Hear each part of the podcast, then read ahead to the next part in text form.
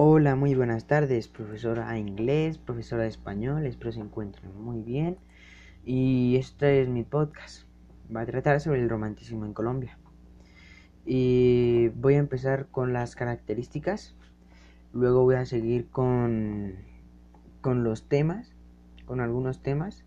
Y luego voy a, voy a hablar sobre los escritores como más destacados. Y empiezo con las características. Eh, la primera es el predominio de los sentimientos sobre la razón. La segunda es la exaltación del culto a la idea del genio. La tercera, la búsqueda de la libertad, tanto política como profesional. La cuarta, idealismo intenso. La quinta es que se percibe el pasado como nostalgia. La sexta, que ya es la última, es que se asimila lo bello a lo verdadero. En este momento voy a comenzar a hablar en inglés. Some things, some things stand out.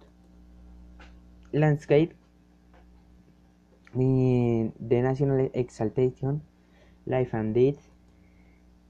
Um, now, why main graders? Um, Rafael Pombo, Jorge Isaacs y José Eusebio Caro. Um, thank you for your attention. Bye, teachers. Mm, este fue mi podcast. Em, traté como de, de, sacar la información también de la guía. Saqué los, los autores y las características de la guía. Y en el. Y el.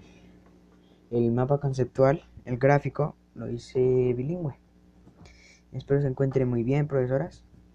Y que estén muy, pero muy bien y que Dios las bendiga. Chao.